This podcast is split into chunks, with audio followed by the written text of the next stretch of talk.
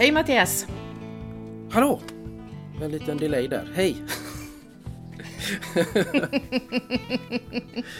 ja, men du, eh, ja. Idag har vi läst Du sköna nya värld. Ja, vi startade ju våran uh, dystopi-era här förra gången genom att läsa 1984. Mm. Så nu har vi läst, som du säger, ytterligare en dystopi.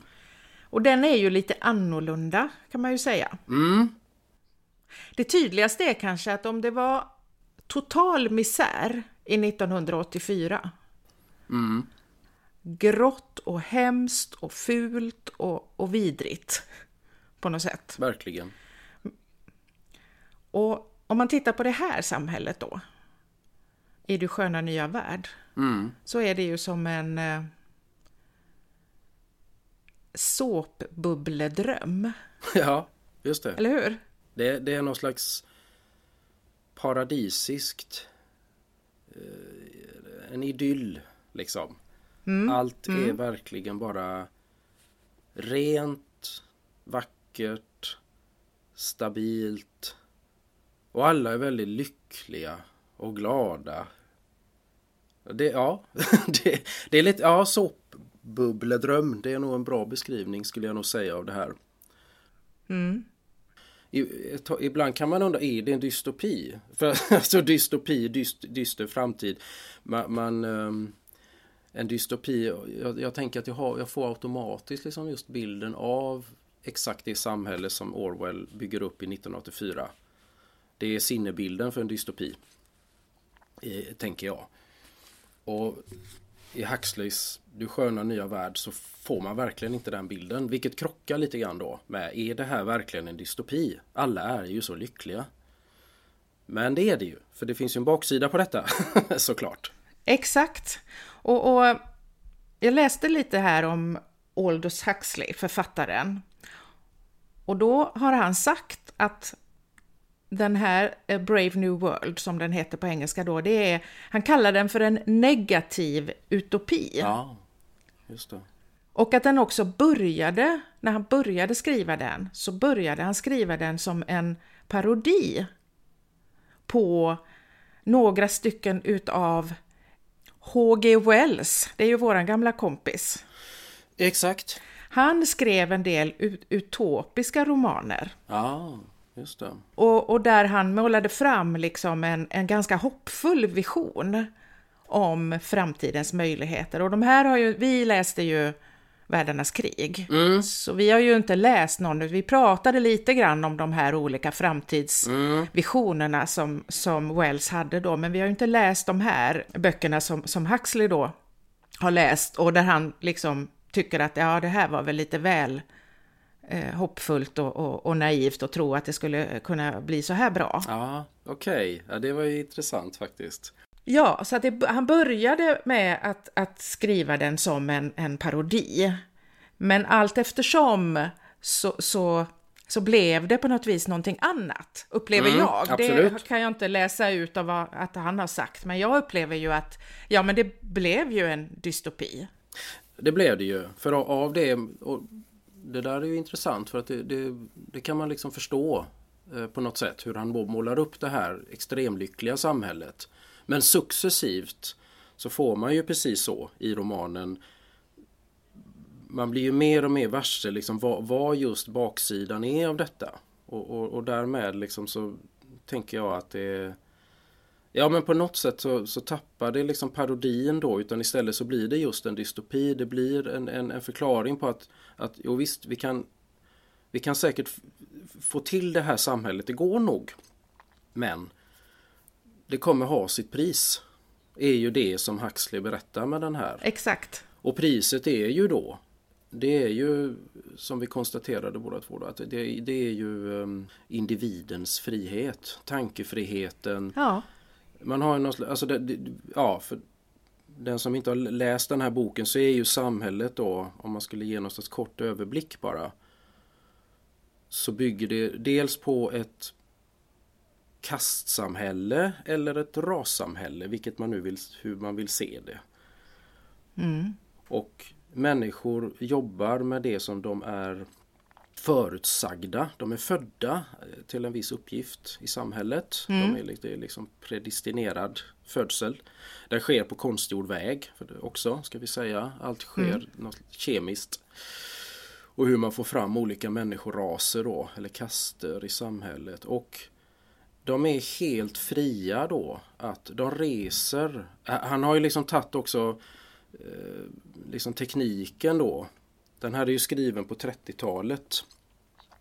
Så han, han, han, eh, det är ganska mycket här som han förutsäger tycker jag som är intressant. Han, han skriver mm. ju då precis detta att, han, att folk reser ohejdat överallt. Folk är helt fria att bara sätta sig på olika liksom, flygapparater. Flyg, det är ja. inte flygplan riktigt utan det, jag vet inte riktigt, det är olika. eh, och liksom, ja men lite som man tänker i alla fall innan pandemin. som det har varit. En weekend i New York, liksom sådär. Mm. Eh, och så vidare liksom. Eller en vecka i Thailand och sådär. Man reser jorden runt. Och det gör de ju den här boken. Som någon slags, eh, ja lite sådär fredagsnöje, helgnöje. Ska vi åka till uh, mm. den andra kontinenten? sådär, ska du hänga med på en utflykt? Ungefär så. Mm. Och även eh, sådär efter jobbet liksom så, så far de iväg till sådana här rekreationsplatser eh, lite närmare då på, i sin egen zon va. Mm. Där de spelar en massa, alltså jag upplever det som fullständigt värdelösa eller, eller meningslösa. Eh, så här små sporter, eller? Ja. Och det är så lustigt, för varje gång jag läser om det där, nu ska, ska inte jag vara sån, va? men varje gång jag läser om det där så tänker jag på paddel. Ja, för det är någon slags varianter av golf och tennis och såna här grejer, men det är ju inte riktigt det heller. Utan det här är... Det, det, ja, det sker på ett helt annat sätt förstår man i alla fall. Och syftet med det är underhållning, förströelse men framförallt att det ska kosta pengar. För han förutser ju också konsumtionssamhället i detta. Exakt, exakt. De pratar om det vid något tillfälle sådär att, och lite sådär nästan skämtsamt liksom. Att på den där tiden när människor gjorde saker liksom utan att bidra till konsumtionen. Mm. Men det är ju helt värdelöst, det konstaterar de ju. Det var ju en värdelös tid liksom. Utan numera så idéer för förströelse ska i första hand främja eh, att, att hjulen rullar, att konsumtionen är igång. Att det ska kosta någonting, liksom. det är det viktiga. Det är så. Och det förstår man att de här eh, sporterna gör för de är liksom kom tekniskt komplicerade. Det är grejen med det här. Att det ska krävas mycket grejer och apparater för att man ska kunna utöva sporterna. Det är det viktiga. Mm. En, en, annan eh, del av det här med konsumtionen är ju också att allting är engångs. Ja, just det. Alltså du, du har ingen, det finns ingen, du lagar ju aldrig någonting eller utan, utan du får grejer eller du köper grejer, hur det nu går till. Eh, och, sen, och sen så kastar ja. du bort det när det inte funkar längre. Kläder och ja, vad som helst liksom, allting. Vi kan ju säga någonting om vad är det för personer vi har att göra med här nu då, då Precis. I den här berättelsen. Om vi börjar då till exempel då med Lenina kan vi börja med. Just det. Hon är ju då en ung och mycket vacker kvinna. Mm. En eh, beta mm. är hon. Och det är, ju, det är ju snäppet under den högsta kasten då som är alfa. Men hon är en beta. Mm. Och så jobbar ju hon då med med fosterteknik, alltså det här eh, laboratoriet där, där barn eh, eh, blir till. Just det. Framställs. Mm. Ja.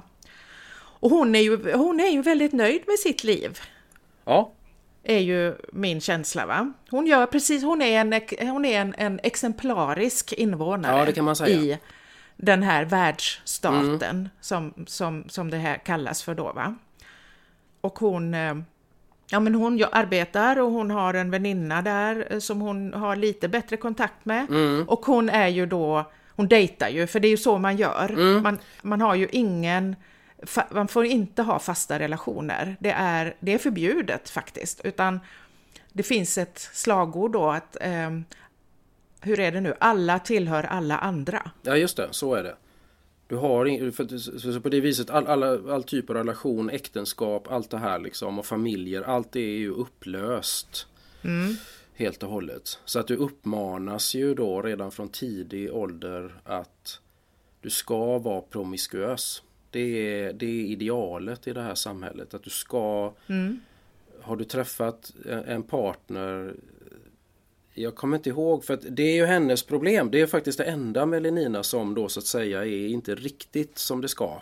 Om man nu ska säga mm. så.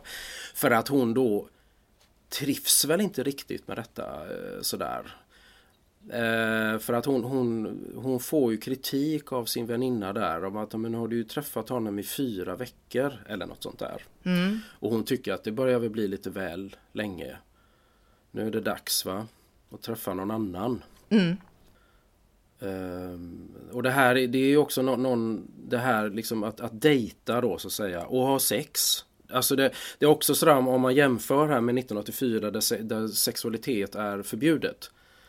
Uh, I alla fall alltså, av, av parti, partimedlemmar då. Liksom. Mm. De får inte ha sex liksom. Här i det här samhället är det ju precis tvärtom. Här ska du ha sex. Du ska ha sex redan när du är barn. De skrattar åt mm. liksom att, att vi i, i forntiden liksom tyckte att det var något konstigt och omoraliskt att barn liksom hade utförde sexuella eh, ja, hade, hade liksom erotiska lekar som de kallar det då liksom. Men här uppmuntrar man det för det är en del i, mm. i, i hela den här samhällsbygget i uppfostran att du ska, du ska ha det liksom. För det är en del i detta att du, du ska liksom bara och det är lite samma som de här sporterna, att man förstår att det här med sexualiteten, det är också bara, det är bara förströelse då liksom, eftersom du ska inte binda dig till någon. Nej men precis, och dessutom så läste jag här då att, att eh, Huxley tänkte sig, han läste ju, han, alltså det finns ganska många referenser i den här romanen till olika eh, men, vet, alltså dåtidens vetenskapliga mm. upptäckter och så vidare. Va?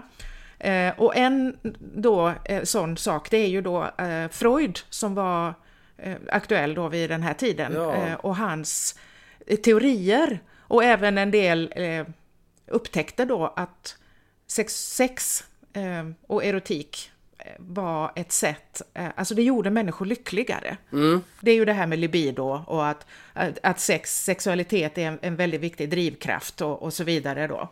Och att det fanns i hans teori då, eh, i alla fall så som Huxley uppfattade det, en tanke om att, att eh, sex gör människor lyckliga.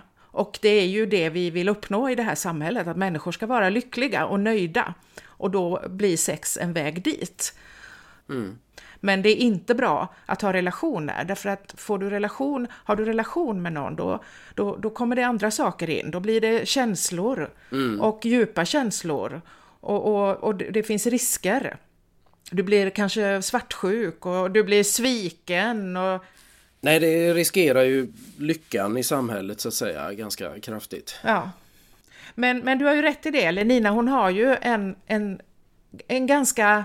Hon, det finns hos henne men den, det är en ganska, vad ska jag säga, svag och outvecklad tanke mm. eller känsla det här. Det är mer någon slags omedvetet att jag skulle nog vilja träffa honom igen. Ja, för det är, så, det, det är inte så någon slags upp, hon är inte upprorisk på något sätt och hon är inte kritisk till samhället utan det är bara som du säger, det är mer en känsla hos henne. Att det vore, han, han var väldigt snäll.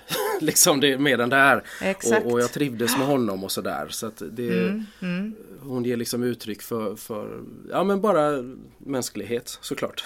att hon vill Precis. känna att hon skulle vilja ha en relation där. Men, men som sagt den är, den är lite outtalad ja. Och hon lyssnar ju ändå på sin väninna där. Och inser liksom förnuftet i att Absolut. nej, det kanske är så att jag ska dejta någon annan nu. Ja, Sen har vi ju Bernhard då. Bernhard Marx som är då en alfa plus mm. och det är ju den högsta kasten då. Just det. Men han är ju då han har ju bekymmer, va? därför att han är inte riktigt, han ser inte riktigt ut som en alfa plus. Nej, för de ska ju vara lite ariska förstår man. Om vi nu ska prata eh, rasbiologi här så är ju alfa, alfa folket är ju, de är långa, högresta, vackra. Alltså de har precis det här utseendet, det här mm. otäcka idealutseendet. Men han har ju inte det nej, för han är lite kortväxt. Nej. Ehm, Och då, det är lite roligt då, för då finns det ett, då är, går det ett Mm. rykte då naturligtvis va, om, om eh, Bernhard då, vad, vad kan det här bero på? Är han verkligen en Mm. alfa plus? Va? Vad, ja det är han ju uppenbarligen, för han är, han är då kläckt som en alfa plus. Det kan vi återkomma till, det här med kläckningen. Men, ta det sen. Ja. ja, men, men alltså, då finns det ett rykte då om att han har fått, han har, han har fått alkohol i blodsurrogatet. Just det. När han, när han då utvecklades i sin butelj. Mm, men men det, det är ett rykte om att det har skett en miss där i alla fall och det är därför han ser ut som han gör och, och är lite konstig också. Tycker de. Ja, därför att han är ju, han är ju, han är ju en märklig Ja, person. det är Eh, för att han är ju, ja, han, han tycker inte om det här. Han tycker inte om någonting. Han tycker inte om den gemensamma sporten. Han tycker inte om det här promiskuösa sexet. Och han är inte ens särskilt förtjust i den här somadrogen som de alla använder för att inte behöva känna de ovälkomna känslorna. Just det. Och, eh, och det, det tar de ju liksom, det är det de sover på, Ja. det är det de tar efter jobbet, det, det är det de tar när, de, när livet, om, om livet av någon anledning skulle bli lite besvärligt och får de en ökad somados. Och, Minsta lilla obehag så tar de ju en tablett Soma och de uppmanar också varann liksom. Mm. Hela tiden sådär att, att om, om, någon då kommer in på lite sådana där tankar, dystra tankar. Så här, men ta, ta en tablett Soma vet du så, så, så blir det bra.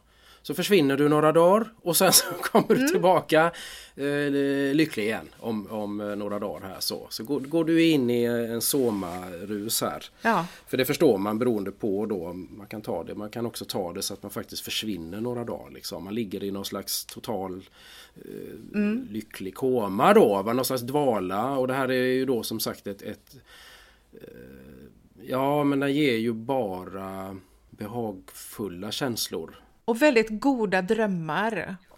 Sen eh, kombinerar man ju det här också då, om man, med, eh, när man sover på soma så att säga, så kombinerar man ju det med, med liksom någon form av vad kallar de det för då? då? En, en slags parfymorgel Ja, som det. liksom utsöndrar eh, olika Mm, dofter då som, som samverkar så att säga med de här drömmarna och soman och alltihopa det här då. Så att ja, det är ju en fantastisk grej eh, kan man ju Mm. Ja. tycka. Jo, men, men och, och då är det ju så att Bernhard han är ju kär faktiskt, i Elenina. Mm. Och han, han tycker jätteilla om att hon är med andra män. Och, eh, och, och han är ju liksom ganska, han är ju lite bitter och avundsjuk, ganska otrevlig människa kan man ju, kan man ju tycka. Ja, jo men han är, han är väldigt, för han blir ju väldigt avig i allt det här liksom. Men han är ju också väldigt sund då när man liksom hör Absolut. Att, han- att han, han liksom, men i sammanhanget så blir han ju en, en, en väldigt avig människa. En, en mörk figur liksom. Mm. Lite, jag ser lite, han är så go, got, gottare liksom så här. Ja, exakt. Svartklädd. Med spray, lite så här Robert Smith går omkring där och muttrar. Eh, Såg jag framför mig lite så. Ehm, och han, han uttrycker ju då, han, han, men han säger väl inte alltid sådär men han står ju själv och, och, och för ju inre dialoger. När han hör bland annat, är det Henry heter det någon där som är någon kollega till honom. Just det. Och han, precis som Lenina och hennes väninna står och pratar i omklädningsrummet så pratar ju de också då, fast de pratar om kvinnor. Och han reagerar ju så starkt på detta liksom, speciellt då när han pratar om Lenina Henry Ja, som tycker att hon verkar ju fin. Och då reagerar han ju på detta att liksom de pratar om de här tjejerna då eller kvinnorna som, som om de vore kött bara liksom. Som bara, det, det finns inget. Så han ser ju, hans, det, grejen med honom, hans problem är ju att han ser ju människor omkring sig. ja, precis. Han är ju liksom på den nivån, han har blivit lite för intelligent helt enkelt för det här samhället. Det är ju så.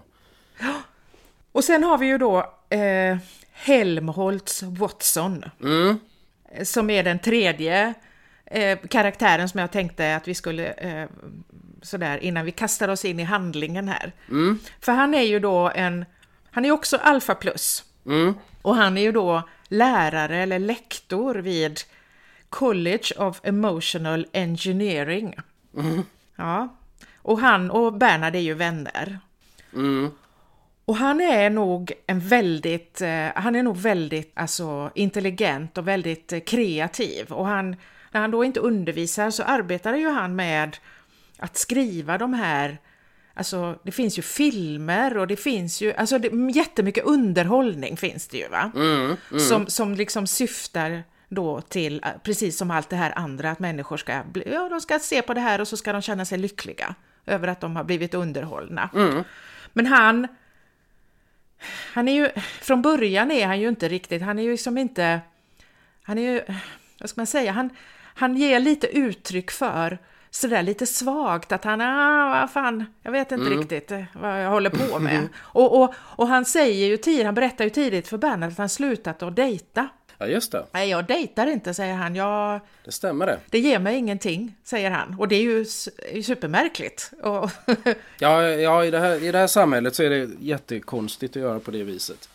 och han, han säger också något, vid något tillfälle ganska tidigt att det är som, jag har en känsla av att jag har någonting inom mig som, som, är, som jag inte får tillgång, som jag inte har tillgång till. Någonting finns det där inuti mig som jag inte vet riktigt vad det är. Och, eh, och, och, och så säger han liksom, och Bernhard frågar ju honom inte heller riktigt eh, sådär, utan jaha, nej okej, jaha, säger du det? Ja. Men det ska ju visa sig sen vad det är för någonting, så det är ju spännande då. Precis. Men det är någon slags, och det har jag åt, samma där då, att det, det, är, det är häftigt vad, vad mycket han liksom då, Huxley, lyckades, apropå det här med biografen också. Att, att här pratar vi alltså filmer, de är alltså skrivna enligt, ja men som en mall liksom. Det är actionfilmer förstår man väldigt mycket. Det är någon kvinna som blir bortrövad av någon, någon stor gorilla eller det är liksom något monster och det är biljakter och det är de hänger från flygplan och det är liksom och man känner men gud vad jag känner igen de här filmerna liksom. Har vi inte sett dem liksom till leda James Bond och gud vet allt liksom va? som man har sett liksom som känns skrivna utifrån en, just en mall. Ja, Utifrån vad vi tycker är spännande och underhållande. Det ger absolut ingenting. Man går därifrån och har blivit underhållen. Hade en trevlig stund. Och det är, det är exakt den typen av filmer som han skriver om här. På 30-talet är det ju. Så att det, jag, jag är väldigt imponerad av det här måste jag säga. Plus då att han lägger till allt det här som vi också har liksom sett nu då genom liksom med, med liksom ett tag var det inne med lukter. Man skulle ha med sig ett litet kort in på, på biografen som man kunde sitta och lukta på. Jag var, jag var tack och lov aldrig på en sån bio men man, man har ju hört. Och, sen, och sen då med 3D som, som kom och försvann igen. jajamän. Och, och, och så vidare va. Och, och vi har haft eh, sådana här, kanske inte biograferna, men jag har ju varit på, på Liseberg på sådana här med rörliga säten. Där man sitter och skumpar och grejer och, och får liksom känna att man åker med. Allt det här liksom har han ju i stort sett med här eh, i biografen. Ja, Han har lagt till en teknisk liten finess och det är någonting som gör att det är en, rö- alltså en känsel att du känner också. Och så, så långt har vi inte riktigt kommit än. Så är det liksom en kyss där mellan hjälten och kvinnan på, på filmen så känner du det här på dina läppar. Via någon sån här grej som man har kontakt med fingrarna eller hur det nu var. Men det, det är väl liksom den då. Men det är lite intressant det här tycker jag. Man har liksom verkligen, allt det här är ju testat i stort sett. ja. För att öka upplevelsen av någon slags verklighet då i biosalongen. Det här det är spännande. Och jag menar det här med mall, mallar, alltså mallar för underhållning, det har, det har ju vi pratat om innan också. Jag menar, det finns ju också vi då som, som skriver båda två, vi har ju, vi har ju många gånger kommit i, i kontakt med med det här, alltså att det finns liksom, det finns kurser i hur skriver du en säljande deckare? Ja men precis. Och då läggs det ju fram lite som att så kan du försörja dig på ditt skrivande. Men, men om man vänder på det så skulle man ju kunna tänka sig också att, att vad praktiskt det är om jättemånga människor underhåller sig med meningslösa deckare. Ja, Så be, be, be, behöver de ju inte tänka på någonting annat jobbigt. exakt. Så, så att det, Ja, det, det finns många delar i det här Mm. så att jag, jag tänker att han, han, han var ju väldigt skicklig liksom på att fånga upp ehm, de här, det som rörde sig, tecknen i tiden då på 30-talet. Alltså det är, det är grymt imponerande måste jag säga. Men jag tänkte så här att nu, nu, för jag tänkte vi ska kasta oss in lite i handlingen här. Mm. Och då har ju vi, vi är ju lite överens där eh, när vi pratade tidigare här att, att eh, första delen av boken, alltså den, den, eh, den glider man ju igenom. Eh, det finns en del spännande när det gäller alltså hur, hur den här världen beskrivs, absolut. Men, men annars är den ju inte så gripande, den första delen av boken, eller vad säger du? Det är precis som du säger, det är tre kapitel och det, den är verkligen så att man kastas rakt in i samhället och du får liksom ingen förklaring riktigt utan du får som läsare får du följa med en grupp studenter på det här laboratoriet där man framställer foster. Just det. Och du åker rakt in i det. Och i början, jag fick läsa det här liksom två gånger för att första gången så hängde jag inte riktigt med för att han du får vilket jag, eh, jag i och för sig gillar. Jag tycker om alltså idén där. Att du, du är liksom med där och du är en student så att du precis som studenterna så förutsätts du att du har förkunskaperna. Så att när han den här eh, mannen står där och förklarar så, så förklarar han inte allt utan han svänger sig med termer och grejer som du förväntas redan veta du och de här unga gossarna som ni går omkring där som en liten flock och eh, gapar och storögt över det fantastiska.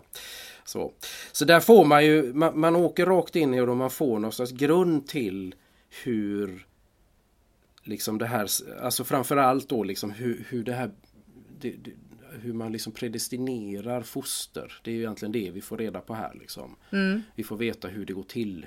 Och, vad och det är ju naturligtvis hela grunden till det här samhället då. Ja. Ehm, och det är ju egentligen som sagt först efter de här, sen tar ju liksom själva storyn vid. Det är där sen som Lenina och, och de här andra karaktärerna kommer in. Ehm, och då, då får vi mer följa dem i, i deras liv så att säga. Liksom. Men då har vi också fått en grund för eh, det här stabila samhället som man menar. För det är ju det som är grejen att, att man ska skapa ett stabilt samhälle. Och stabiliteten kan du bara uppnå, har de kommit fram till, genom ett eh, då kast eller ras. Ett, ett rasbiologiskt samhälle. De skapar ju alltså människoraser kan man säga. Om vi ska gå in lite i det. Så det enda är ju egentligen man tänker att Huxley då, man hade ju inte riktigt kommit igång med det här med genmanipulation och sådär. Eller det fanns ju inte på den tiden. Så att han, han, han tänker ju sig istället att det här sker på kemisk väg istället. Så att precis som vi pratade om han Bernhard, säger jag rätt nu? Ja, Bernhard. Som man då, då ryktet om att han har fått i sig för mycket alkohol. Varför det kan gå ett sånt rykte är för att man förser då foster och, och sådär. Man, man manipulerar ju både ägg och foster med olika kemikalier i det här laboratoriet då för att få fram eh, olika människoraser. Och då är det ju allt från alfa, beta och det är delta och det är gamma Och Epsilon. och Epsilon, ja precis. Och alla de här har liksom sin ut, liksom intelligensnivå. Och varför man vill ha det så här är ju för att då en, en människa liksom på deltanivå har inte intelligensen nog att ens tänka sig något annat än det den gör. Nej. Vilket gör att personen är lycklig på sin fabrik. Den står där på sin fabrik och tycker att livet är toppen. För att den känner sig så kompetent i det den gör. Och har inte ens förmågan att tänka att den skulle kunna gjort något annat. Nej, exakt. Och det här är liksom grunden för det här stabila samhället då. Det här, här, och här, kan, här lyser ju den här parodin såklart igenom. Hans tanke då på att det är parodi. Liksom. Att är det verkligen det här? Är det verkligen så utopiskt och bra det här? men, det, det är, men det är intressant alltså. Och, och eh, ja, Och dessutom är det ju så då att när du, när du först då så, så har du ju de, de här eh, fostren då, eller ja, ägget som, som då eh, blir befruktat och, och sen så växer det då, det här fostret i en, i en behållare. Och, och så tillförs då eh, blodsurrogat då, kallar de ju det för. Va? Och, och, och, så, och, och tillförs då i, i, rätt, i rätt mängd och, och rätt sammansättning för att det ska bli rätt mm, typ av, av människa då. Va? Eh, och sen då eh, så, så, så gör man ju då, dekanteras man. Mm. Man föds inte utan man dekanteras. Det betyder ju då att man kommer ut ur behållaren. Och då är man ju ett, en bebis. Och då fortsätter man ju att, att vara i, så det, det, finns ju inga som växer upp i någon form av familjer, Nej. utan det är ju en, en, det är ju liksom en slags barnhem, eller vad man ska säga, va? Eh, då i någon form av vetenskaplig miljö, eh, där de fostras. Och då arbetar man ju väldigt mycket med sömninlärning. Just det. Ja, så att när, när de här bebisarna och barnen, när de sover så får de då eh, sin inlärning då, och, och, och, lyssna på så att säga. Och, och då, det är ju då de får alla de här värderingarna eh, kring till exempel att eh, alla tillhör alla andra. Det är någonting, det hör de här små ända från det att de är nyfödda. Och då tänker sig Huxley då ju att det här blir så självklart för dem så det är aldrig någonting som, som man eh, ifrågasätter sen överhuvudtaget. Eller ja, de flesta gör inte det i alla fall. Nej, för det är fraser som liksom bara dyker upp i huvudet på dem ja. hela tiden sen. När man liksom följer de här personerna då, karaktärerna här. att när de ställs inför någonting så det första de säger om, om någonting ibland det är just en sån fras. För det förstår man, det här är så indoktrinerat så att det, det, det är det första som dyker upp. Mm. Jag, vill också, jag vill också bara inflika att de, att de har också kommit på eh, Bokanovskis process.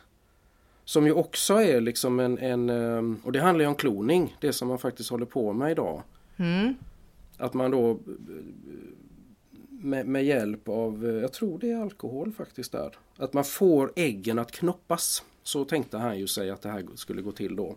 Mm. Och då kan man då, då har man liksom mångfaldigar sig de här äggen. Och man kan få upp från 8 till 96 knoppar från varje ägg och då har man då dessutom då räknat ut där att mer än 96 går inte. Det var någonting som blev fel där då. Och det här är ju ännu en del i detta för då, då, då säger ju han då eh, professorn här att, att den här eh, han ger något exempel där. Tänk dig 96 apparater i en, i en eh, fabrik. Mm. Och där står det 96 stycken eh, delta-personer som är identiska och de är dessutom gjorda för att sköta exakt precis den här apparaten. Just det. Förstår vilken, vad, vad fantastiskt detta är. Det kan inte bli fel liksom. Det är bara... Nej. Det... det, är, det är fulländat. Ja det är verkligen fulländat. Så det, det, de möter ju det här. Det går ju omkring liksom sådana här flockar med, med barn som är liksom som är, ja de är ju identiska då liksom. Det, det är ju, och, och, och, det här är ju sådär, jag, jag måste bara få, få för en, en så, jag gled ju iväg då lite i det här och kom att tänka på, har inte jag läst om det här, jag då som håller på så mycket med insekter och sånt. Mm. Eh, och då kom jag på att jo, eh, myrsamhället, så jag funderar lite på om, om Huxley hade eh, om han hade läst något om myrsamhället möjligtvis. Mm. Eh, för det påminner, det som de gör här i det här samhället påminner väldigt mycket om myrsamhället. Eh, faktiskt. Just det här att, att man eh, att myrorna, nu ska vi se om det är det arbetarna som är ju de är ju födda obefruktade. Vilket gör att de är mer släkt med varandra än om de hade varit syskon. Eftersom det inte är två Det är inte en hane och en hona mm. inblandad utan det är bara drottningen. Och det mm tänker man sig i alla fall att det har varit gynnsamt då för myrsamhället bland annat. Mm. Att de här arbetarna känner jag de väl kanske inte ett släktskap men de, det, det, finns ju ett släktskap då liksom. Och de är inte klonade men de är mer släkt än om de hade varit syskon.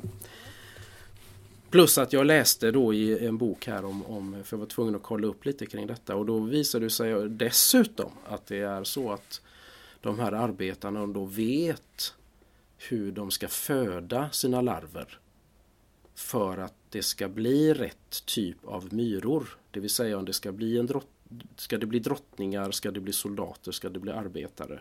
Påminner väldigt mycket då om det här som de gör i labbet. Verkligen. Att, att de ger dem olika substanser för att få fram rätt typ av människa. Just det. Och det här sker liksom i myrsamhället då. Hela, det är jättespännande detta. För myrsamhället är så otroligt komplext. Det är ju sån fantastisk värld detta. Men då tänker jag, tänkte jag det, undrar om han liksom antingen har han bara mm.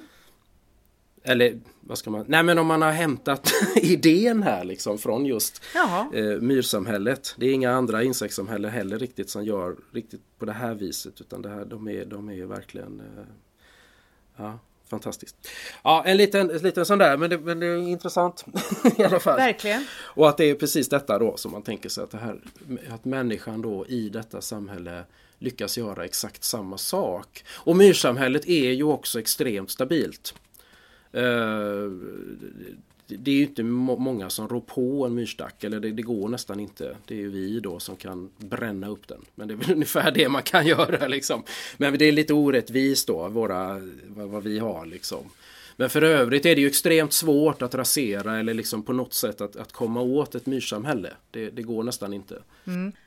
Men så jag har ju myror här, jag bor ju på landet och eh, när jag flyttade in här så fick jag veta, jag har en, en stor, eh, det är som en stor trä, uh, ja, en, en, en, trästock fast väldigt, väldigt stor, alltså liggande. Ett, ett, ett träd, mm. fast utan rötter, som ligger som en slags gräns för min uteplats här. Och när jag flyttade in här så fick jag höra då att ja, vi hade en gigantisk myrstack här nedanför på andra sidan den lilla grusvägen utanför mitt hus där. Och då raserade vi den ja. eh, och, och, grävde och, och, och alltihopa det här. Men det enda som hände det var att myrorna flyttade in i stocken. Så nu har jag myrorna Precis. i stocken. Och det, jag har tänkt på det. För att, för att ibland då när det är väldigt mycket myror och du kan känna så här bara, åh, tänk om de börjar komma in. Fast det har de inte gjort än. De är, är i sin stock. Men då, då har jag tänkt va, att, att man kanske ska försöka göra någonting åt det där, du vet. Men då tänker jag att det är nog ingen Nej. idé, därför att de kommer bara flytta sig. Och de kommer ju inte att flytta sig så långt, de kommer ju inte att traska iväg liksom till andra sidan Dingtuna, utan de kommer ju att bosätta sig någonstans i närheten här förstås. Såklart. Ja. Och är det stackmyror dessutom så kommer de inte in. De är inte så intresserade. Nej, nej, tydligen. Inte, inte, inte som svartmyror och så, för de går ju gärna in. Men stackmyror, nu kommer vi in på ett helt annat spår. men, men stackmyrorna ja. är inte så intresserade av, av vad vi har inomhus liksom, på det viset. Så de kommer inte in. Ja, ja det är intressant. Men du, det är ju så här då att de, de eh, gör ju då resor till fantastiska ställen i den här boken. Ja.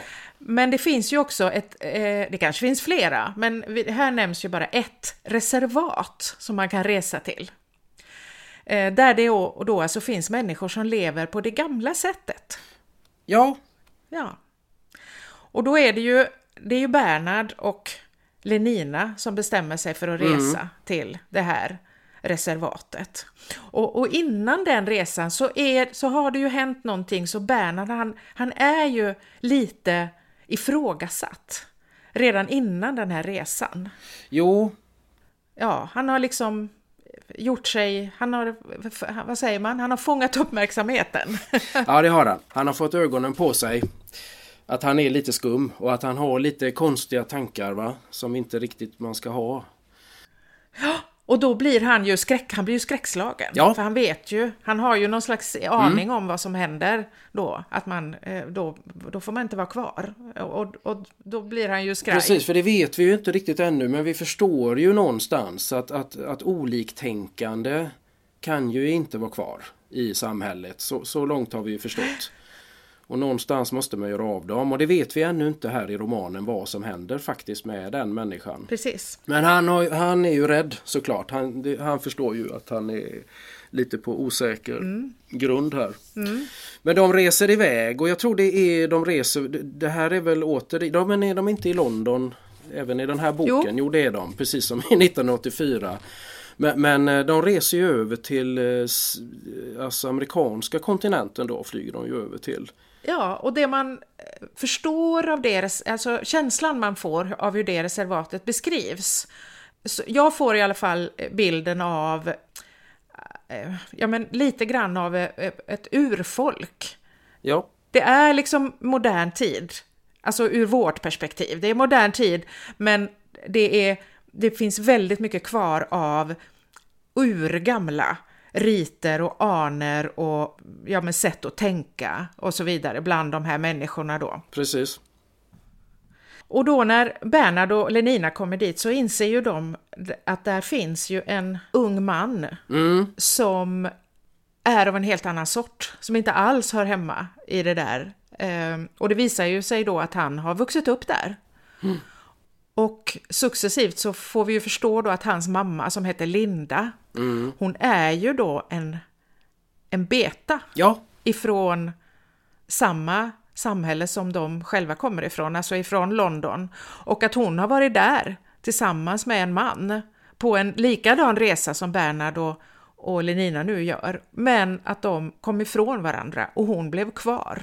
mm. Det hände någonting där och hon blev kvar. Och när hon då är där, ensam kvar, så inser hon att hon är gravid. Mm. Och att pappan då är den här, eh, han var väl säkert en alfa då, ja, som åkte tillbaka. Men hon blir ju kvar där, hon får ju föda sitt barn och får leva där. Och är ju en väldigt, väl- ett väldigt udda inslag är de ju de här två i det här reservatet. ja verkligen. Hon lever ju Dels så lever hon ju med, med, förstår man ju då, den här tanken om att hon ska komma tillbaka en dag Mm, till civilisationen. Hon har också huvudet fullt av de här fraserna för hon är ju sömnindoktrinerad precis som alla andra då som växte upp där då. Så hon har ju de här fraserna i sig som, som ja, inte liksom stämmer överens någonstans med det här samhället då som hon lever i. För här är om vi ska dra parallell då till, till 1984 så kan man där, där kallar ju just de, ja i min översättning heter det proleter. Den här liksom Alltså proletärerna, arbetarna, fo- befolkningen, liksom, de, som, de som på något sätt fick leva kvar. mm, I, i, I 1984 är ju det en stor del av samhället som består av de här människorna som då får leva kvar i det i, i livet innan revolutionen. De får fortsätta liksom ha sexuella kontakter och så vidare och de, ja, de lever sitt liv liksom sådär. Här är det ju mer en här är det väl liksom omvänt känns det. Det, vet jag inte riktigt här. Det är ju, det, men man får ju mer en känsla av att det här är liksom något lite marginal, alltså marginell. här finns det mer reservat liksom. Av människor som på, på liknande sätt då får leva kvar. Precis som det var innan. För här har ju på något sätt också skett någon form av revolution då ju. Kan man ju säga. Och ett krig. Just det, det har varit krig. Ehm, Men skillnaden här, mot de här är ju att i 1984 så var ju liksom de betydande människorna i partiet de brydde sig egentligen inte om proleterna överhuvudtaget. De var ju helt ointressanta. Medan här är ju de här som man kallar då för vildar. Det är ju ett utflyktsmål förstår man. De åker liksom och tittar på de här. De åker dit för att uppleva. Det är återigen den här förströelsen som finns va. Att om man inte vill Precis. gå på känselbio eller inte spela den här märkliga golfen så kan man åka till, till ett reservat och så kan man vara där eh, några dagar och uppleva det här märkliga världen då eh, som fanns. Och förfasa sig gör man ju där då. Det är ju det man gör för att där, där, där finns det ju mammor och papper och sånt där. Så ord som de ens, de kan ju inte ens nästan uttala ordet mamma för det är så vulgärt och äckligt alltihop och tänka sig att någon har fött ett barn. Så att det är ju väldigt mycket en, en liksom fascination och en fasa då. Och man tittar ju på de här människorna då lite som att åka till ett zoo ungefär. Titta på djur som beter sig. Så det är en slags nöje det här att åka och titta på. Precis, och, och den här stackars pojken då, John heter ju han då va? Han växer ju upp då i en, i en situation där hans mamma Linda eh, är, lever ju kvar i den här tanken om att alla tillhör alla andra. Just det. Så att hon tar ju emot män och tycker ju att det är fullständigt självklart. Det är, så, det är ju så det är. Men i detta samhälle då så blir ju hon, hon blir ju klassad som hora. Ja, Och eh, h- hennes son råkar ju väldigt, väldigt illa ut i det här. För att han, han blir ju fruktansvärt ensam. Ja, han får inte vara med liksom överhuvudtaget i gemenskapen. Han ses ju som en otroligt udda figur. Vilket han naturligtvis också är i det här sammanhanget då. Ja, och han beskriver ju där för Bernhard när de träffas liksom den här förfärliga historien när alla po jämnåriga pojkar skulle gå ner då i en, i en, det var väl en grotta i en initiationsrit va? Mm, och han fick inte gå med. Och, vilket, då, och där var det liksom, det var liksom spiken i kistan på något sätt för honom att, att han förstod att nej, jag kommer aldrig, jag får alltid vara ensam liksom.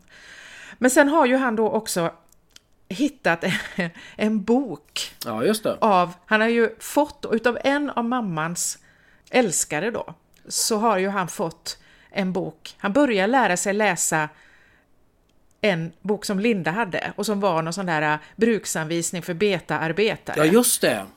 På laboratoriet tror jag. Hur man, hur man eh, får fram eh, foster. Det är det första han läser. Hur man gör. Ja, precis.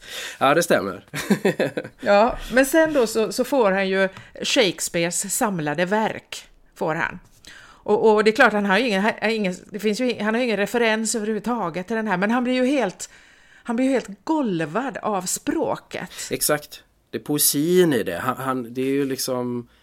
Så när Lenina och Bernhard träffar honom så är det ju det, är ju det han gör. Alltså han, han, han liksom slänger ur sig en massa Shakespeare-citat till höger och vänster. Ja, det blir ju lite komiskt faktiskt. Det är från Otello och allt möjligt som han liksom då ger. Men, men Bernhard då, som ju är ju, eh, han är ju då eh, illa ute, det vet han ju va? Och när han, när han, han greppar ju, han förstår ju vem det är som är den här pojkens pappa. Just det. Ja, och det är ju då en högt uppsatt man i deras samhälle. Jag tänker det är direktören. Mm. Ja, för det är han som går omkring där i början. Eh, de blir ju några fler sen, men det är han som från början eh, förevisar labbet där. Så han är ju väldigt högt uppsatt. Viktig person. Precis, så att Bernhard bestämmer ju sig då för att ta med sig John och Linda tillbaka för att, för, för att få upp, upprättelse. Han ska liksom eh, få, ja. Jo. Ja, det, det, leder ju till att han blir, från att ha varit en väldigt eh, eh, udda person då, Bernhard, så blir han ju oerhört upplyft. Mm. För att den här vilden då, som de kallar honom för, ja det slår ju ner som en bomb mm. verkligen i det här samhället. Det blir ju alla vill ju träffa vilden. Mm. Alla vill prata med honom. Alla vill titta på honom. Det blir liksom en slags... Eh, han får göra nästan som en turné. Det blir som en... Eh, det är förevisningar för eh, och gärna liksom för man får känslan av överklassen då, alltså alfa-människorna så att säga va. Mm. Så där det ordnas eh, med, med, fina det är drycker och, och, god mat och grejer och så ska då vilden vara där också och förevisas. Precis. Så han får ju en enorm status i detta. Som har varit den som dels tog initiativet att plocka dit honom överhuvudtaget ger ju honom först och främst. Och sen då den här statusen av att vara den som styr över detta. Och kan liksom ha, ha ja men den som kan presentera vilden då liksom. Ja. Så här blir han ju väldigt betydande och plötsligt har man, då har man ju helt, då blir ju det bortglömt helt och hållet här. Att han är då en skum figur som man tyckte innan. Um, mm. Och han uttrycker ju heller inte så mycket av de här tankarna just nu. För nu har han ju fullt upp dessutom med att vara den här nya personen som han är. Och, och, och behålla sin status såklart. Och, och han blir ju också eh, han blir ju ovän då med sin vän, eh, den här... Eh, ja, vad heter Helmholtz. Ja, just det. Han som skriver eh, filmmanus. För att nu, nu han, han blir ju lite, eh, lite hög här Bernhard på, på, på statusen och uppmärksamheten och, mm. och alltihopa det här då. Så att eh, eh då, och, men, men, samtidigt då så får man ju följa då John då, alltså vilden, får följa hans vad som händer med honom mm. då. Och det som händer då är ju att han blir ju också då väldigt, väldigt förälskad i Lenina. Mm. Och hon blir ju fascinerad och eh, en, en, ja men i alla fall en växande förälskelse i, i, i John. Mm. Så, så att, och, och så att där, där, där blir, men, men, men det här tar ju naturligtvis slut, för det här går ju inte va? Och en dag, och då är det, det är någon alldeles speciell förevisning som, Ber, som Bernhard har ordnat här. Mm. Jo, den är, den är extra, extra viktig. Jag kommer inte ihåg, men det är så riktigt viktiga personer där. Och då vägrar ju Vilden att komma ut ur sitt rum. För då har han fått nog av, av det här liksom. För att det, och det, man kan ju, jag tänker liksom 30-tal då när Huxley, jag tänker att det, det, är ju lite som de här freakshow. Ja. Eh, alltså man gjorde ju på det här viset. Vi har ju exempel från den här långa lappflickan till exempel. Eh, Same-tjejen här liksom som förevisades i västvärlden av eh, någon snubbe där liksom. Och, och så att det, det, det, är ju precis det som han är med om här, John. Att, att han blir ju liksom ett freak. Eh, mm. lust, lustig och eh, fasansväckande tänker jag på samma gång då liksom. Sådär. Mm. Men det här har han fått nog i alla fall ju. Och, och sätter stopp för det här. Och skulden för detta får ju naturligtvis Bernhard då. Ja, som faller tillbaka då. I onåd. Det blir ju på något sätt att han inte riktigt har pli på sin vilde. Det blir ju den där att, att, det, att han inte kan liksom förmå honom att visa upp sig då. Precis. Så det, så det blir ju ett hårt fall såklart. Och där kan man ju också tillägga att, att John då har ju under hela sin uppväxt fått höra om den här fantastiska civilisationen. Så där kommer ju precis den här kritiken mot mm. det. Vi, det kommer ju via John kan man säga i, in i boken. För han har ju då fått det här till sig från sin mamma som har berättat under hela hans uppväxt om hur fantastiskt detta är. Denna värld. Mm. Om du bara visste hur fantastiskt det är där och hur vackert det är och allt detta. Så han har ju också precis som mamman mm. fast han har haft en dröm om att komma hit liksom någon gång i sitt liv. Utopia. Mm. Och nu när han väl är där så inser han ju ganska snart allt det här med baksidorna då.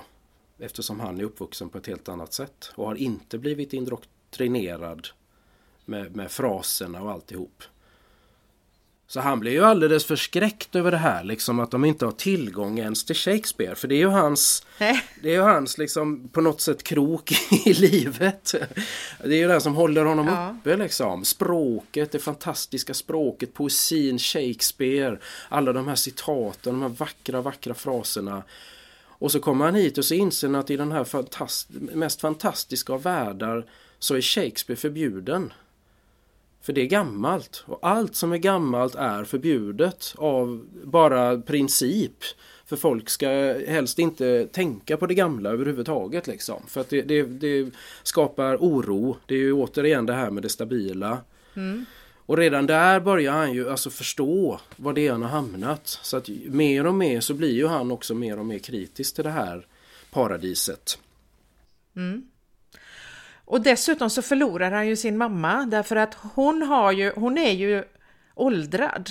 Hon är ju, hon är ju gammal, alltså du vet, och, och sliten. Eh, för hon har ju åldrats precis som människor gör. Men det, så är det ju inte i, i civilisationen. Där åldras ju ingen, utan, utan där är de unga och sen så dör de. Puff, liksom. Och så dör man ju utan att någon egentligen bryr sig riktigt om det förstår man. Det finns inga ceremonier, det finns ingenting utan människor bara dör och försvinner. Och så är det bra med det för det kommer nya hela tiden. Så att när hon då kommer dit och, och så, så, så, möts ju hon av, av eh, avsky och, och mm, också en, en och, och den här direktören då som hon kastar sig om halsen på och som hon tänker sig att han ska ta tillbaka henne. Han vill ju överhuvudtaget inte ha någonting. Det är ju frukt, alltihop blir ju jättehemskt. Mm. hon blir som ett monster i det här samhället. Man har ju inte sett en gammal människa. Så hon hamnar ju då i en... Eh, hon hamnar ju på sjukhuset i en, en sån här soma-koma som hon har valt själv. Mm. Och, och han, han, är ju där, han går ju dit och besöker henne och, och, vill ju liksom väcka henne mm. till liv och, och säga här är jag, jag är din son. Och, och, hon vill inte, hon vill bara vara kvar i sina drömmar liksom. Och, det blir ju, och så dör hon ju där medan han är där och det är ju en, en, en otroligt eh, faktiskt en, en av de mest minnesvärda scenerna i hela boken tycker jag. Mm, det är det. Med den här scenen då där, där han eh, försöker att få kontakt med henne och hon bara sover och sen så blir han ilsken på henne och det på något vis får till följd då att ja, men att hon faktiskt dör i, i stunden och samtidigt då så är det ett studiebesök mm. av sådana här som vi pratade om innan då, de här identiska jättemånga tvillingarna som ser exakt likadana ut. Precis. Och som är, är klädda i kakeuniformer och som liksom svärmar runt där och är jättenyfikna och äter små kakor. Och... ja, jag tycker det är ju bara ett skådespel det här. Det är konstigt, obegripligt eh, och de ställer massa frågor. Och de förstår inte riktigt vad han håller på med, John. För han är ju alldeles förtvivlad såklart. Han sörjer ju. Men de har ju aldrig sett sorg. Nej, och han ligger på knä där liksom. Och sköterskorna säger till honom så här. Men snälla vän, du måste ta dig samman. Just det. Du förstör barnens nyttiga dödsfostran. Det är så det är ja. Risken är att de blir skadade av, av att se det här. Mm. Eh, eftersom man då redan från början måste fostras i detta att, att eh, död är ingenting vi bryr oss om överhuvudtaget. Så här, här skulle man kunna tänka sig då en, en sån här Bokanovsky-grupp då, 11 personer som får en liten skada faktiskt i detta då i framtiden. Och, och det, det, det följs ju sen av att han går ut från sjukhuset mm. och då hamnar han ju mitt i en sån här utdelning av en somaranson till delta-människor.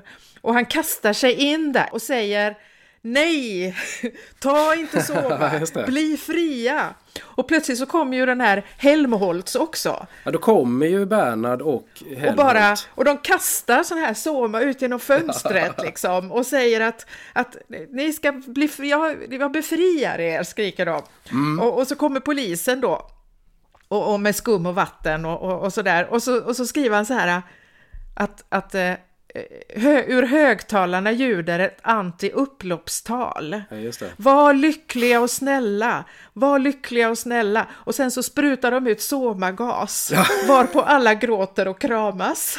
Det är ju också jätteroligt. Ja. ja. Men, men alltså det här då, det här får ju till följd då att och, och Bernhard är ju också där, han finns ju också där va? Precis, så nu plockas ju de in. För det här, det här var ju droppen på något sätt. Ja, till världskontrollören för västra Europa, Mustafa Mond. Mm. Ja, och då är det ju så att vi, då har vi ju träffat Mustafa Mond lite tidigare mm. där han, och det här är också jätteroligt tycker jag, så se om jag hittar det här, för han läser ju, när, vi får ju, vi får ju besöka honom när han läser en kättersk text. Det är ju någon som har skrivit en, en, eh, ja det är lite som en avhandling om man säger så, en, en akademisk. Och, och, och, den, och, och han, man får liksom lyssna till hans tankar där, där han liksom, hmm, vilket eh, skarpsinnig. Mm. Och så, sådär va, och så, och så, se, så skriver han då, får ej publiceras. Mm. Författaren ska stå under uppsikt och det kan bli nödvändigt att flytta honom till havsbiologiska stationen på Sankta Helena. Mm. Och så tänker han, synd på ett så mästerligt mm. arbete. För han tycker om det här, han tycker det är, skit, det är jättebra, bra idéer, superbra, briljant. Men naturligtvis, inte kan vi införa sånt här i, i vårt samhälle. Det, det, man förstår, det finns ju självklarhet i detta liksom att nej, nej, nej, nej. Det är klart att det inte går. Det nej. går inte. Nej, precis. Och, och, den här Helmholtz då, som är med och, och kastar ut Soma-tabletter genom fönstret, mm. eh, han är ju vid det här laget också i onåd, har ju han berättat då för Bernhard. När Bernhard faller i onåd igen så säger ju Helmholtz då att ja, ja, ja, jag ligger också lite illa till för du förstår att jag, du vet, jag läste jag läste mina egna verser för tredjeårsstudenterna i högre känsloingenjörskonst. Ja, just det. Och, och, och, jag brukar inte göra det. Jag brukar ge en mängd tekniska exempel ja. på verser. Va? Som man, men jag tänkte att va, jag förstod väl att det var galet, men jag ville gärna se hur de skulle reagera. Och de hade ju naturligtvis då eh, anmält honom direkt och eh, han hade blivit uppkallad till mm. rektorn då. Och så Jag är en märkt man, så. säger han till Bernhard då. För verserna handlade om ensamhet, och herregud, säger Bernhard, det, det, det förstår du väl att, att det inte skulle gå. Studenterna har ju fått minst en kvarts miljon varningar för exakt, ensamhet exakt. I, sin, i, sin, i sin sömninlärning. Ja. Eh, men då säger ju Helmholtz, Helmholtz då att, att, ja, säger han, mitt i eländet så känner jag att jag äntligen har fått något att skriva om. Mm. Jag har fått kontakt med den här extra latenta grejen som jag har inombords. Ja.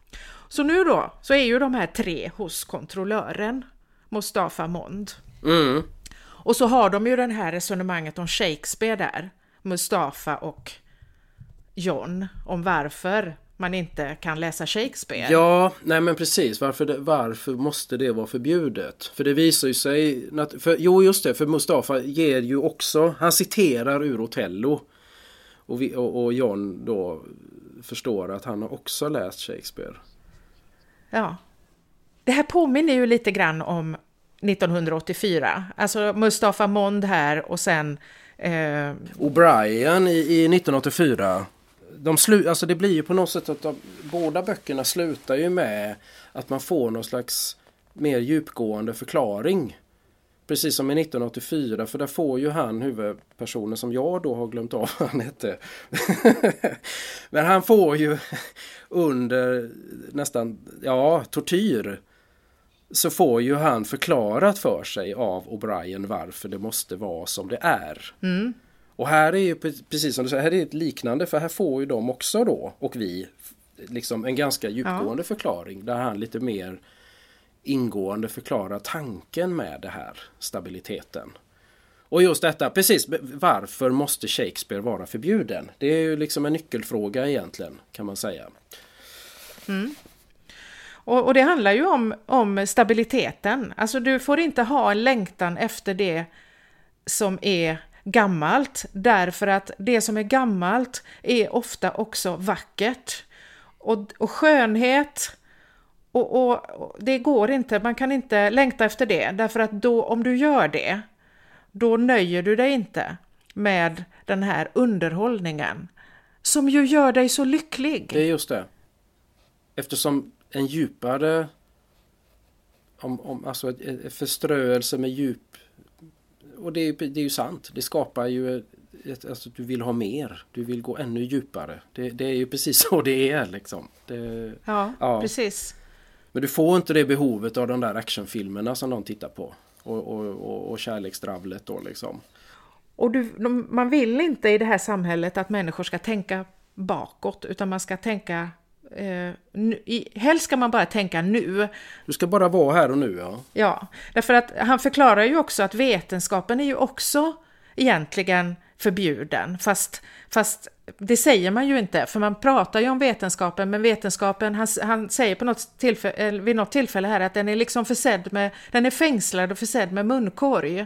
För att man kan inte eh, låta nya vetenskapliga idéer och, och, och och, uppfinningar och vad det nu kan vara kullkasta stabiliteten. För det är, absolut viktigaste är stabiliteten. Och det är ju precis det här som vi sa innan att det är precis som att här har man uppnått den här Alltså den perfekta världen. Och, och då kan du inte, ingenting får liksom utvecklas härifrån heller. För då, då riskerar du också stabiliteten.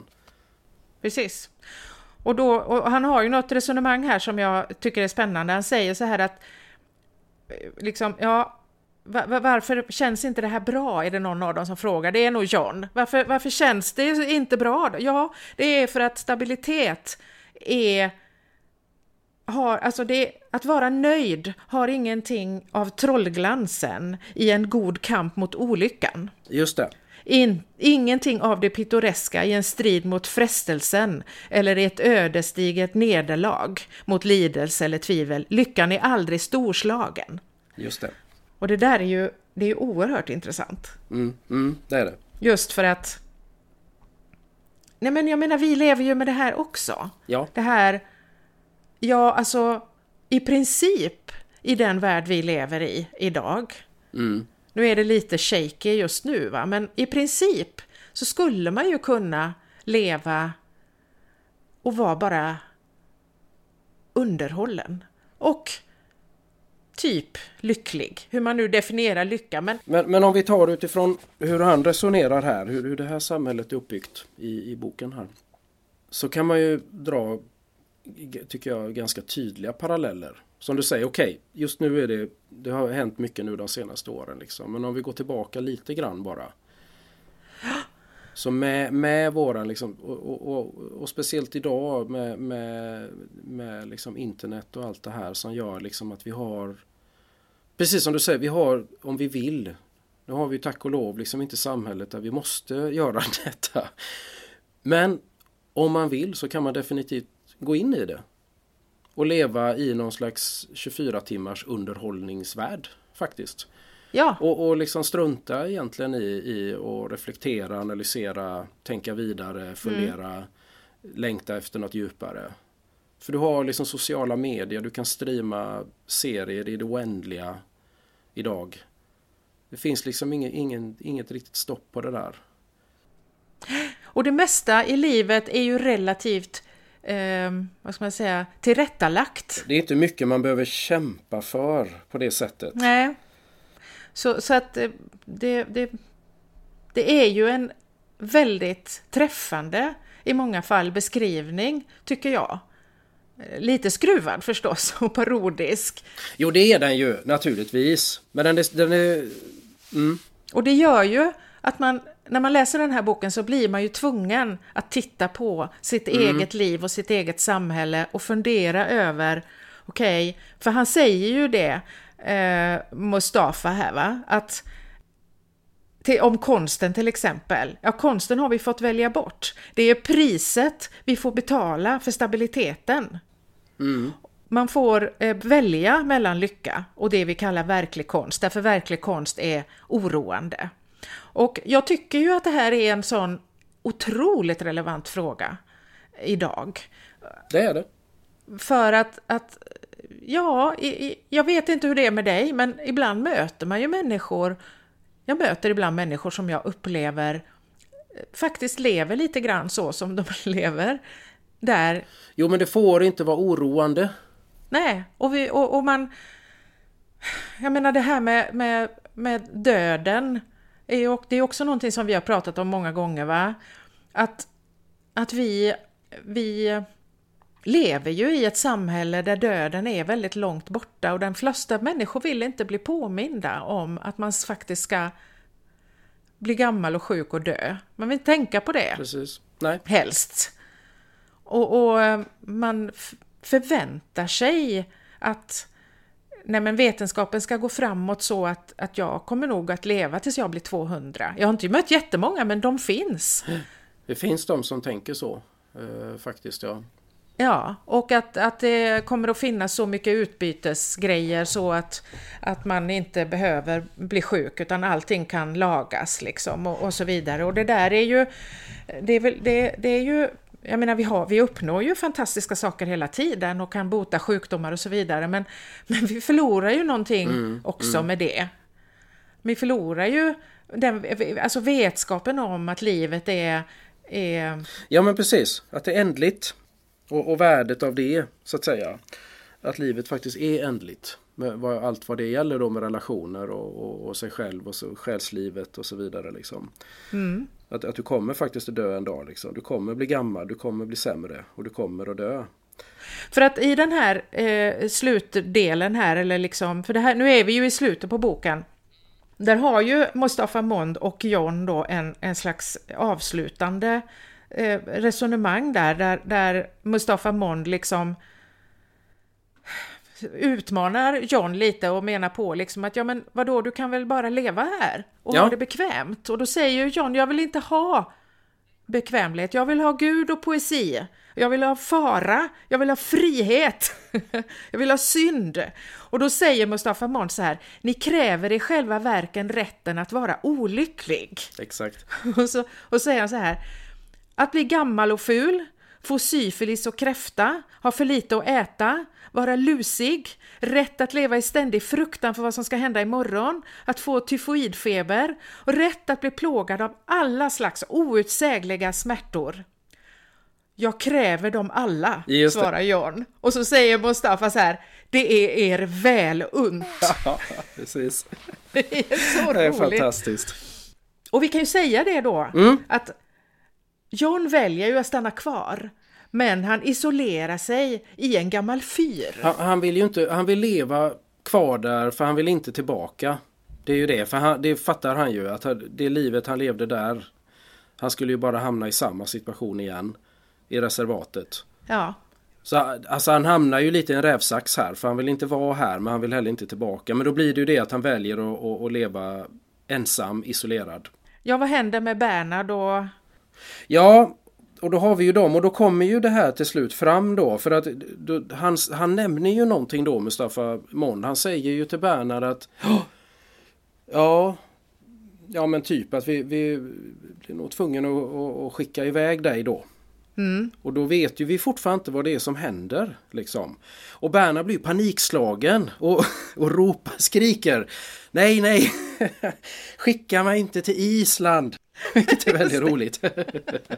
och, och, och man fattar ju inte riktigt vad då. Vad Island? Och man förstår ju att han vet ju inte heller riktigt eh, sådär. De vet alltså inte vad som händer med oliktänkande.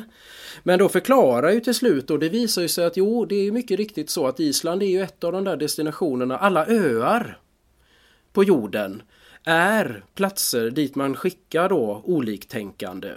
De som inte riktigt kan hålla tankarna i schack. Ja. Men efter lite resonerande då liksom och, och, och, och han, han är, är fortfarande paniskt rädd för detta ju. Men till slut förklarar han ju eh, Mustafa att det är egentligen inget straff det här. Eh, för du kommer bara leva där på en ö bland massa andra oliktänkande. Ni kommer ha massa intressant att prata om.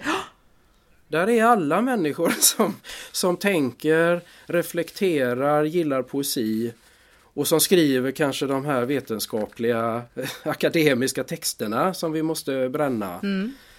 Så att då får man ju plötsligt så vänds ju alltihop och vi, när vi pratar om det här vi hade ett litet försnack ju som vi brukar ha. Ja. Och, och plötsligt så inser man ju liksom när man läser att Ja, det är ju på den där ön. Det var vi ju överens om. Det är ju där man vill vara. På Island vill man ju vara. För man vill ju inte vara i det här hemska samhället alltså. För det är helt fruktansvärt eh, då. Men på en sån där ö. och där får de leva. De är isolerade. De kan inte påverka eh, på något sätt världsstaten naturligtvis. För de har ingen kontakt med världsstaten längre. De, är, de lever i sin egen värld där. Men där är de liksom fria att göra egentligen vad de vill. De får tänka fritt, tala fritt, göra, ingå äktenskap antar jag att de har rätt att göra för att de, de blir liksom bortkopplade så att säga. Men i och med att de befinner sig på öar så har de ju på något sätt då fixat så att de har ingen möjlighet heller tekniskt att ta sig därifrån. Liksom. Nej. Och då är det, är det inte han som säger det, det är roligt. Att han vill, liksom, här finns det ju massa öar att välja på och han säger jag vill gärna vilja ha, ha en ö med dåligt väder. Ja, exakt. Det är jätteroligt. Så, så att det skulle ge mig lite mer och, ro att skriva. så inte någon sån där solsemesterö liksom, det vill han inte till. Utan det, Det ska blåsa och storma. ja, dramatiskt. Det, det tycker jag vore bra. Så, så här Shetlandsöarna eller något sånt där. Det hade varit perfekt. Ja. Ja, Nej, så att här, här, här på något sätt kände jag när jag läste att här öppnar sig hela romanen liksom. För att på ett sätt som då inte 1984 gjorde. För den, den känns ju, den känns väldigt stängd. Det är två världar men de, de är liksom ganska stängda båda två och ingen av dem kan man känna att åh, och men här skulle jag ändå kunna tänka mig att leva. Men här ger han ändå någon slags öppning faktiskt. Och här känner man att ja, vi konstaterar ju, här hade ju vi hamnat då på en ö. Om man nu skulle ha levt här liksom. Och det hade ju inte varit så dumt. Det hade jag ju antagligen trivts med. ja, Det, det är lite en intressant del i den här boken tycker jag. En liten oväntad del var det, tycker jag. ja. För när vi läste 1984 då pratade vi ju om liksom att, att ja, men då är det ju hos de här proleterna som man skulle kunna eh, trivas. Och leva ett vanligt liv liksom sådär. Mm. Och det här är ju något helt annat, för att här, här är det ju inte, här är det ju en, en uppenbar, att du blir faktiskt förflyttad dit.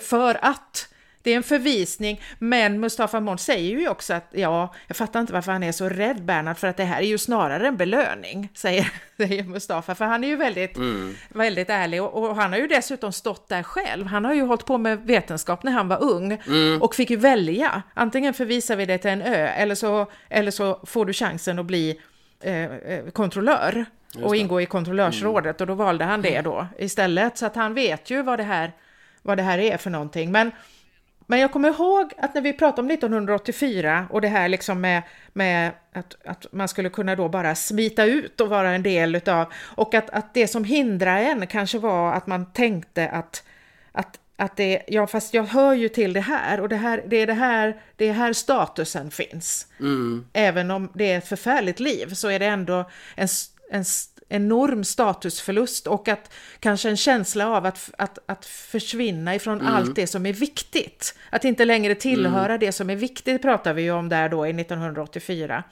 Och jag funderar på liksom om det inte lite kan vara så här också att när man ställs inför det där, man kanske är precis som de här mm. två då va, Bernhard och, och, och, och Hel Helmholtz, att man man är då en fritänkare, kanske lite grann mot sin vilja, speciellt Bernhard då, han, han, han är ju lite, han, han kan liksom, det, det är bara det att allting skaver liksom. Mm. Mm. Och, och då kan inte han se att det här skulle kunna vara någonting bra, utan, utan då blir det ju det här att herregud, ja men då får inte jag vara med mm. och då har jag aldrig mer någon chans att uppnå status eller att, att bli en firad medlem av Nej, det här det. samhället och så.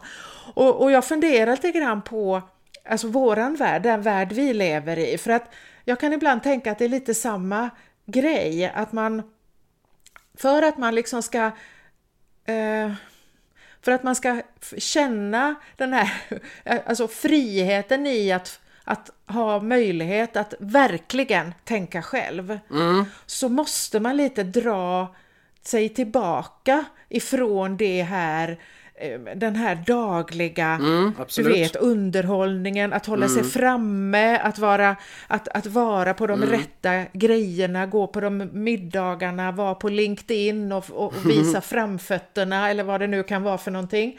Och att, att liksom gå på konserterna mm. som alla andra går på för att sen kunna prata om dem och så vidare. Va? Man måste liksom dra sig undan ifrån det. Yeah. Och, och det kan ju finnas en viss, det har det funn, tycker jag ibland att det kan finnas hos mig, att jag har känt ibland när jag har valt att vara ja. så mycket själv med mig och tänka, så har jag ibland fått en sån där panisk känsla av att vad är det jag missar nu då? Mm. Vad är det jag inte får vara med om? Vad är det jag väljer bort när jag tillbringar så mycket tid på egen hand med mina egna tankar? Liksom? Mm. Kommer mm. jag att sitta där när jag är gammal och tänka varför varför var jag inte på konserter och varför umgicks jag inte med folk mm. när jag ändå kunde det? Men när jag väl gör det så känns det ju ofta så himla ytligt. Exakt. Liksom. Och det, jag, jag får, kommer att tänka på det gång på gång när jag läser den här boken, liksom att, att var, ja, man tänker så här, varför vill de vara kvar där? Ja, ja, dels är det ju för att de är så indoktrinerade, men också för att de på något vis tror att det här är det man måste göra. Ja. Det här är lyckan. Så jag tycker liksom att den här, den här berättelsen har enormt mycket bäring för vår tid. Nu har jag en äldre bok här men jag lånade ju den här från början och där finns det ju ett, ett förord av Göran Rosenberg. Just det. Som skriver, och det var ju som vi sa, det, man får ju se det utifrån tiden då, lite naivt då och, skriva att 19, världen 1984 inte vore möjlig längre. Och det får man väl se att okej, okay, det kunde man mm. kanske se då i slutet av 90-talet.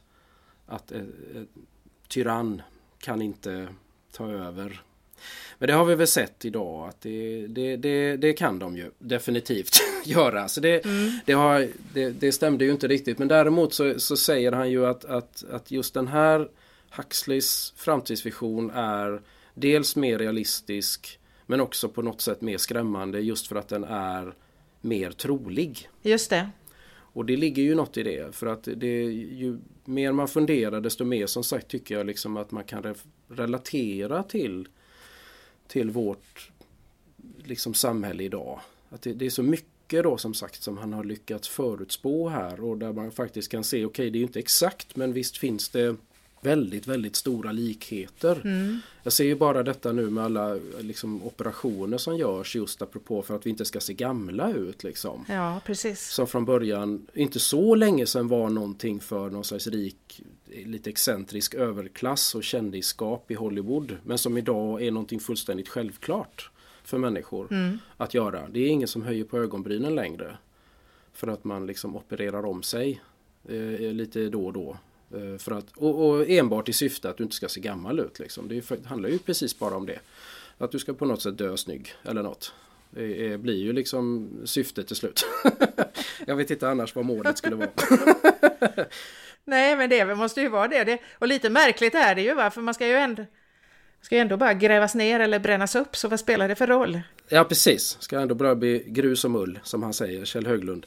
Eh, grus och mull. Eh, så att ja, det och, och, Ja men precis och vi har liksom underhållningen, vi har dygnet om hur mycket underhållning, det är så mycket underhållning så att vi Det finns inte en chans att se allt liksom. Inte under ett liv kan du se allt idag, det, det går inte. Och, och, så. Och sen har vi ju då dessutom då den här um, som vi är liksom mitt inne i nu då med genmanipulation och så. Där, där vi liksom faktiskt otäckt nog liksom Alltså vi, vi Alltså provrörsbarn och det, det är ju länge sedan som vi lyckades med det. Och, och, och, frysa ner spermier och ägg och så vidare. och så vidare. Så det, det, finns ju många delar mm. i detta mm. som liksom pekar mot liksom en, någon slags produktion av foster. Och, och, jag tittade faktiskt nu, jag fick tips om en, en dokumentär om just genforskningen och genmanipulation. Eh, den hade några år på nacken, den låg på SVT. Den låg tyvärr inte kvar där. Jag lyckades se den de sista timmarna som den låg kvar.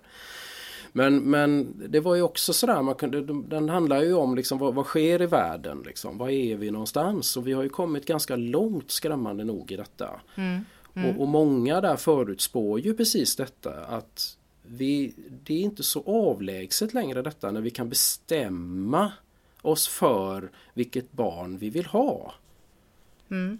Och då pratar man ju mycket om utseende och sådär. Det ska vara vackert, det ska vara långt, det kanske man kanske vill ha brunhårigt eller ja du vet sådär. Men sen kommer ju nästa tanke som någon sa där, någon som höll på inom idrotten då att, att i framtiden kanske vi får ha en egen liga liksom för elit, elitidrottarna som är framavlade. Ja. Eh, på det här viset. För det har man redan lyckats med hundar då, ta fram hundar liksom som har där det inte finns någon begränsning i muskeltillväxten. Utan de, det bara växer liksom. Inte som de här hemska tjurarna med dubbla muskler utan det är bara det att det finns ingen De har ingen eh, liksom biologisk gräns längre liksom. Och skulle man då kunna då applicera detta på människan då skulle vi få en helt ny typ av människo ras i stort sett. Liksom, va? Precis. Sen har du ju också det här med, eh, med eh, olika medfödda, alltså genetiska eh, medfödda genetiska sårbarheter för till exempel alltså psykisk ohälsa. Det vet man ju idag att till exempel benägenheten så att säga att drabbas av depression det finns en genetisk mm. kod för det, eller vad man ska säga, som man antingen har eller inte har. Det man vet också då det är att ja, de här personerna då som har den här fallenheten för eh, depression till exempel, mm.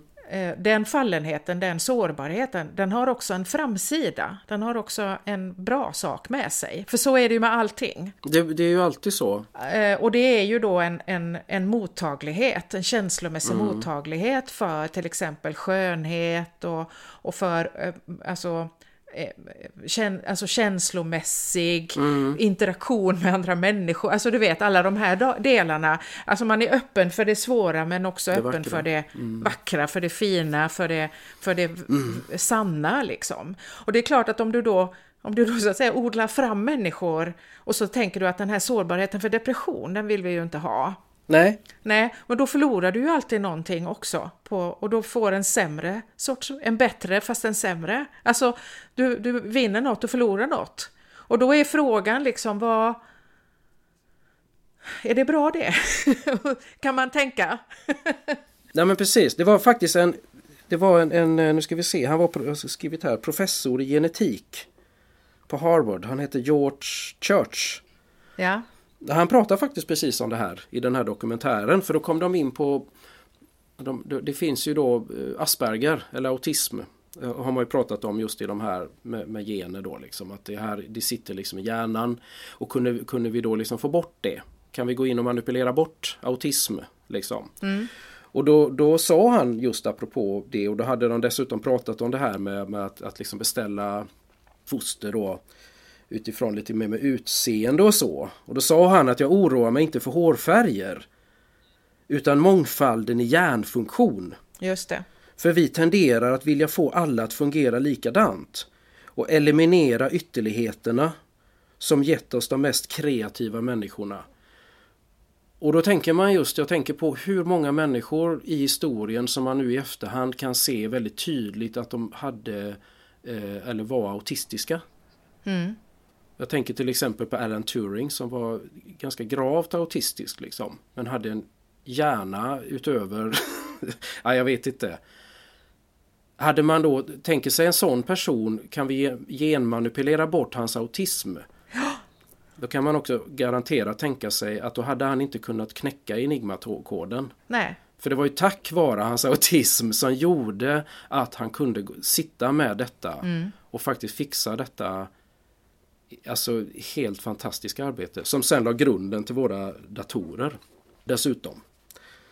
Så att han, han är ju inne på precis samma spår där. Att liksom att det kan hända att vi kan liksom få bort det här men, men, men han tänker just där och den här tendensen då som vi gärna har att den här likriktningen Mm. som man kan höra i att, att det bästa vore om vi om vi inte hade allt det här. Om, om, det vore ju drömmen.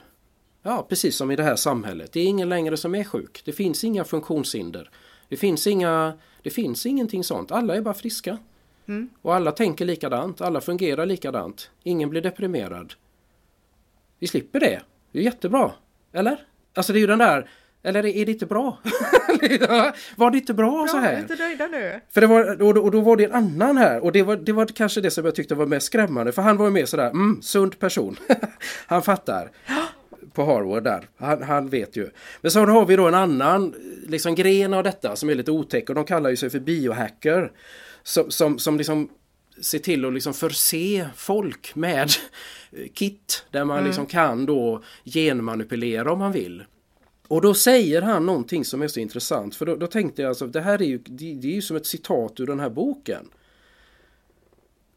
För de, de menar ju liksom vad, vad, det, vad skulle det här, alltså finns det inga baksidor på detta? Ser du ingen liksom... Och han menar ju bara då att folk skulle bli väldigt hälsosamma, starka och snygga. Ja. Skulle det vara dåligt?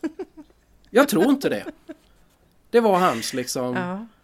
Eh, eh, Det, var, ja, det finns inget att diskutera liksom bara va? Nej. Och då tänkte jag det, det, kunde, det är som ett direkt citat ur den här boken faktiskt. ja, men det är ju så. Man kan ju fundera lite grann på vad han har fått i sitt blodsurrogat. Mm, exakt. ja. Fick han för mycket alkohol tror jag? Eller för lite. Eller kanske lite för lite. Nej men det, och, och det är väl det också som gör den här boken så intressant. För jag, jag tänkte, men när man tog den där dokumentären tänkte jag ja, det är lite svårt att argumentera mot det. För hur ska du, hur ska du argumentera för, precis som John gör, att män, människors rätt att känna smärta, bli sjuka, få lida ordentligt. Det är väldigt svårt i dagens, eller det, det har kanske alltid varit svårt, men i dagens samhälle är det extremt svårt att argumentera för rätten av, av lidandet liksom va. Och grejen är ju också att vi lever ju i ett modernt samhälle där religionen har förlorat sin roll. Och om man tittar tillbaka på när vi var ett religiöst, vi säger när Sverige var ett religiöst land till exempel, Mm, då fanns det en mening i lidandet. absolut. Och det handlade inte bara, det handlade till viss del om att om du lider nu så kommer du till himlen, det blir bättre sen. Ja, det handlade, och det, det kan man ju, ja det har ju exploaterats av kyrkan och präster och alltihopa det här va. Ja. Men om man, om man glömmer det och tittar på det på ett lite djupare plan, eh, så, så, och, man faktiskt läser liksom skrifterna och sådär va, där finns det en, ett, ett ständigt pågående resonemang kring varför människor måste lida och varför vi Mm. lider och, och vad liksom vad, vad, vad som är vad som är meningen med det. Och att det är en det är en ofrånkomlig del av livet. Utan lidande blir livet inte helt. Det kan inte, det är inte Precis. ett liv om det inte har båda delarna så att säga. Men eftersom vi har gjort oss av med religionen så finns ju inte det längre kvar och därför kan ju vetenskapsmän och forskare idag och det, jag menar det har de ju kunnat för också. Folk har ju inte varit, alla har ju inte varit religiösa men, men utan mothugg egentligen så kan de idag liksom vara ganska, ja men rycka på axlarna lite och tycka att äh, va, det där, jag vet inte, det där är väl mossigt. Så behöver man ju inte fundera. Det är väl bra om allting blir bättre hela tiden. Ja men det, det precis, vad är det för fel på det då? att allt blir bättre. Mm. Och ingen då som du säger som, som kan vara där och påminna om det här. Om, om, om just helheten. Jag menar vi ser det i kristendomen gamla och vi, vi ser det i österländsk liksom taoism och allt det här va. Att i de mesta, flesta religioner så finns ju den här tanken men Men som sagt vi idag här har ju, har ju Ja men, nej, men man kan bortse från det väldigt lätt liksom för att det känns bara som någonting förlegat. Helt enkelt. Ja, och jag menar när vi drabbas av, av, av svårigheter idag, av sjukdomar, då pratar vi jättemycket i, i termer, alltså i det offentliga samtalet, eh, och även vi människor emellan, av orättvisa. Det är så orättvist. Det är lite förorättad eh, stämning när, när, det, när, det, när det sker saker, ja. Att det, det, det ska inte få ske. Nej, Och det finns ju i allting, titta på de här kampanjerna liksom eh, kring svåra sjukdomar där man samlar in pengar och sådär. Va? Ingen ska dö, ingen ska dö av cancer. Ehm, Eh, och, och ja, jag, jag, det där, jag har lite svårt för det där. Jag, jag, jag, är, jag gillar ju jag gillar ju jobb, alltså Jobs, alltså Jobs bok och, och hela det resonemanget liksom kring ja, ja men precis, jobb i, i Gamla Testamentet, ja. du, du kan tycka vad du vill men, men livet kommer att pröva dig. Det spelar ingen roll Mm. hur du beter dig. För det är, bara, det är så det är inrättat. Helt enkelt. Mm. Precis, det är, det är liksom den där Alltså att man Du har, inte, du har liksom inte rätt till ett lyckligt Nej. liv. Vem, vem, vem skulle ha sagt det liksom? Var har du, få, var, var har du fått det ifrån? Har du papper på det? Att du skulle, att du skulle få leva ett, ett friskt och lyckligt liv liksom. Nej. Men, men, men det är som du säger, det förutsätts idag. Ja. Med, medans, ja, jobb är ett typexempel på just liksom det där att du, du kan råka ut för alla livets plågor faktiskt. Och du får inte ens en förklaring till det. Utan det, det bara är så. Det... Nej, och det är ju inte det, det, är ju det här, det är ju inte, det är inte liksom att, att på något sätt liksom, alltså vad heter det? Alltså sorgen förstår man ju. Över en människa. Men, men, men liksom det är ju ingen människa som har rätt att leva vidare. Alltså det, det, blir ett väldigt märkligt resonemang det här. Va? Det, det, Ja. Och det, grunden i detta ligger ju någonstans i detta. Som om vi hade rätt till det. Mm. På något sätt. Eh, och, och, och leva på det här viset. Och lite ja, jo men som i, i världsstaten här då liksom. Att, att en rättighet att födas till, och, och sen leva frisk och lycklig ända tills den där sista dagen liksom. Och då i stort sett det är också förutbestämt när den dagen ska ske.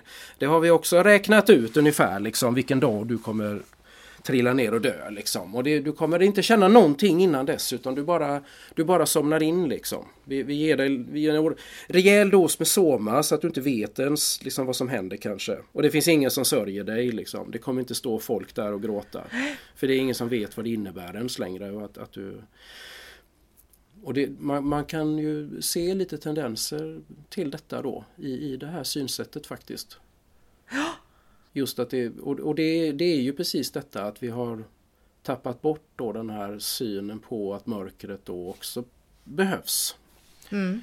i, i helheten. Liksom. Det, det, och jag tänker att det, det är en sån där grej som är lite svår för man vet hur, hur det här krockar och det med, med många människors uppfattning. Liksom. Som om jag önskade människors lidande och död. Liksom. Ja, ja men det, det känns ju så. Blir det ju gärna, va? det känns ju så när man säger det. Som att jag önskar att människor skulle behöva lida och dö i plågor. Vad bra det hade varit. Men det är liksom det är liksom djupare, det är större än så. Det, det, det är ju det liksom. Det handlar ju mer på, på det här planet om att, att vi, kanske inte, vi kanske inte ska vara genomlyckliga hela livet. Alltså det är väl mer så på den mm. nivån. Att du kanske också ska ha stunder där du faktiskt drar dig undan och, och kanske inte mår så jäkla bra men det kommer ge dig väldigt mycket. Du, du kommer kanske få insikter där som du då inte kan få när du sitter framför Netflix. Jag tycker också att det har, eh, det har med potential att göra därför att eh, ja, som jag ser det, så, så, och tvärs emot då, och det är väl därför, det är ju därför jag eh, kommer att hamna på, på, på Falklandsöarna, eller var jag nu kommer att hamna. För att, mm. för att jag, jag menar ju liksom att, att min, och alla andra människor också, alla människors uppgift i livet är att bli bättre. Alltså, och då menar jag inte, jag menar inte att bli bättre på någon på att laga mat eller så, utan jag menar bli bättre i grunden, bli bättre. Alltså att, att utvecklas, mm. bli större. Och en, ett sätt att, att bli större, det är ju att när du drabbas av någonting som är svårt, mm. eh, att då ta faktiskt det på allvar. Och att, att gå igenom det modigt, mm. trots att det är fasansfullt svårt. För det som är Vinsten med det är att efteråt så kommer du att förstå att du klarar så jäkla mycket mer än vad du trodde. Exakt. Och nästa gång du drabbas av någonting så kommer du att göra det lite bättre och du kanske till och med kan hjälpa någon annan och säga du, jag har gjort det där och det går. Mm. Man kan. Och det förlorar man ju fullständigt i den här världen, för det finns ju ingen, ingen, som, det finns ju ingen som behöver kämpa för någonting och, och, och bli bättre. Nej. Det finns liksom ingen anledning till det i den här världen som han beskriver. För det, det, det har inget syfte att bli bättre. Att utvecklas som människa. Det, det, har totalt förlorat sitt syfte. Och därför gillar jag ju verkligen eh, John där, där han, han kräver Ja, att han kräver lidande, rätten till lidandet. Det är så fantastiskt. För att han, det blir ju på något sätt, han är ju, ja men han är ju den enda då till slut som blir mänsklig. Ja. Eh, ja, även Bernhard såklart och, och de andra där då. Men han är så oerhört mänsklig, John. Det... Ehm, Jag kräver dem alla. det är underbart. Ja. Vad sa han? Du, du... Det är er väl unt. Just det, så sa han. Mm, det är bra. Det, kan näst, det, det kanske får vara slutcitatet. Jag tycker det. Vi kan ju som vanligt säga bara om, om, om vi tycker att det är en bok. Det har vi kanske framgått. Men om det är en bok vi kan rekommendera. Ja, det är absolut en bok vi kan rekommendera. Jag skulle absolut säga detsamma. Den, eh, det är en sån där bok som, ja, som det här samtalet har visat ganska tydligt på. Den väcker väldigt mycket tankar. Mm. Vilket ju är det bästa man kan önska sig av en bra roman. Får man väl säga. Mm. Vi har ju föresatt oss att läsa lite dystopier. Mm. För att vi inte ska helt bli förstörda av detta så har vi begränsat det till tre böcker. För I alla fall. Tills vidare. Vi får se. Det finns ju många dystopier att läsa. Det kan bli fler. Man vet aldrig. Man kan återkomma. Men nu tänkte vi i alla fall att nästa bok då skulle bli en annan klassiker som den här Kallocain då av Karin Boye. Ja. Ja, så för den som känner för att haka på läsandet här så är det det vi kommer att prata om mm. nästa gång. Det ska bli jättespännande. Jag har läst den förut och nu ska jag kasta mig in i den igen. Samma här det är väl lite nu som när vi läser den här så har man 1984 i huvudet. Nu har vi liksom två stycken böcker i huvudet när vi läser Kallocain. Det ska bli jättekul det här tycker jag också. Verkligen. Mm. Så eh, ja, med det kan vi nog eh, säga hej då då för idag. Det tycker jag och tack så mycket för idag. Hej då! Hej då!